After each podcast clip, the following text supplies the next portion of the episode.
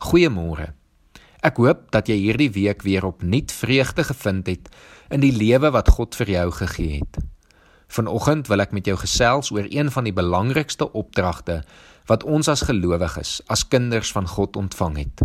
Die baie bekende Matteus 28 vers 19 tot 20.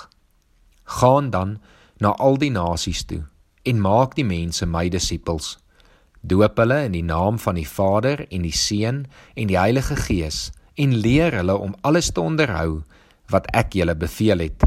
En onthou, ek is by julle tot die volëinding van die wêreld. Meeste mense ken hierdie vers al uit hulle kop en het dit al duisende kere gehoor. Maar baie min mense het al hierop gereageer en werklik hieraan begin deelneem. Ek verwag nie vandag dat enige iemand nou skielik 'n sendeling of 'n evangeliese prediker moet word nie. Ek dink ook nie dit is wat Jesus hiermee bedoel het nie.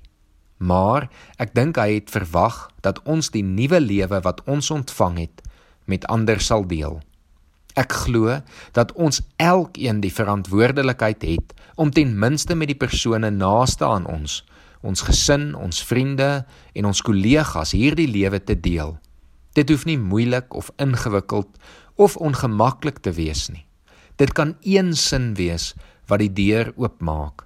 Een sin waar jy erken en sê ek het die nuwe lewe by God ontvang. Wil jy meer hoor?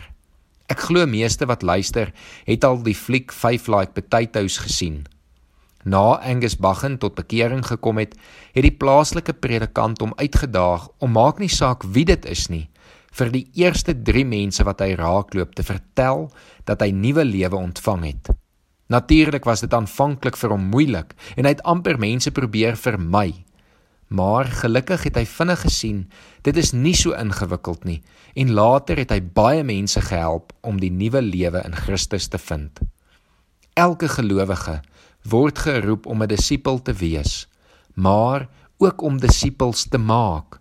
Daarom is dit so belangrik dat ek en jy in ons lewe onder iemand sal leer, maar ook besig sal wees om iemand anders te mentor en te leer.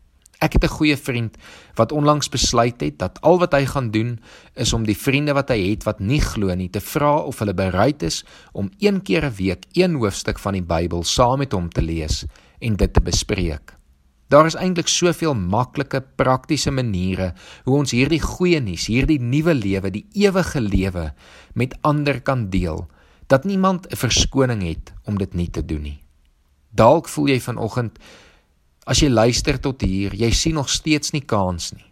Dan wil ek jou aanmoedig om ten minste die woorde van Filippense 1:27 ernstig op te neem en dan te sorg dat jou lewenswandel jou getuienis oor die lewe wat jy ontvang het aan ander sal verkondig. Hoofsaak is dat julle Christ lewenswandel in ooreenstemming met die evangelie van Christus moet wees. Later in hoofstuk 2 vers 12 tot 16 sê Paulus die volgende: My geliefdes, julle was altyd gehoorsaam wanneer ek by julle was. Des te meer moet julle gehoorsaam wees nou dat ek nie daar is nie. Julle moet julle met eerbied en ontzag daarop toelê om as verloste mense te lewe. Want dit is God wat julle gewillig en bekwaam maak om sy wil uit te voer. Doen alles sonder kla of teepraat. Sorg dat julle bo alle verdenking staan en opreg bly. Onberispelike kinders van God te midde van ontaarde en korrupte mense. Tree onder hulle op as ligdraers in die wêreld deur die woord van die lewe uit te dra. Mag elkeen deur woord en daad die goeie nuus van die evangelie die goeie nuus van die ewige lewe vir almal rondom jou vandag gaan uitdra. Kom ons bid saam.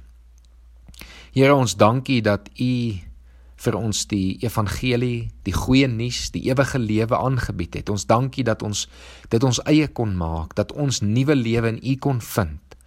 Here ons weet dit is omdat daar ander mense was wat gewillig was om ons te leer, om vir ons te vertel waar ware lewe is. En Here, daarom kom ons vanoggend na U toe en ons erken, ons kan dit nie vir onsself hou nie. En daarom kom vra ons, Here, dat U vandag en in die komende week en in die komende maande mense oor ons pad sal bring met wie ons kan praat, met wie ons kan deel, vir wie ons kan help om ook lewe in U te vind, Here. Here, ons weet ons hoef nie bang te wees hiervoor nie, want U het U Gees self vir ons gegee. U gee die belofte dat wanneer ons nie weet wat of hoe om te praat nie, U vir ons die woorde sal gee. Here ons vertrou U en ons kom maak onsself diensbaar. Ons kom meld aan as instrumente in U hande. Mag U ons gebruik om die evangelie ook aan ander oor te dra. Ons bid dit in Jesus Christus se naam alleen. Amen.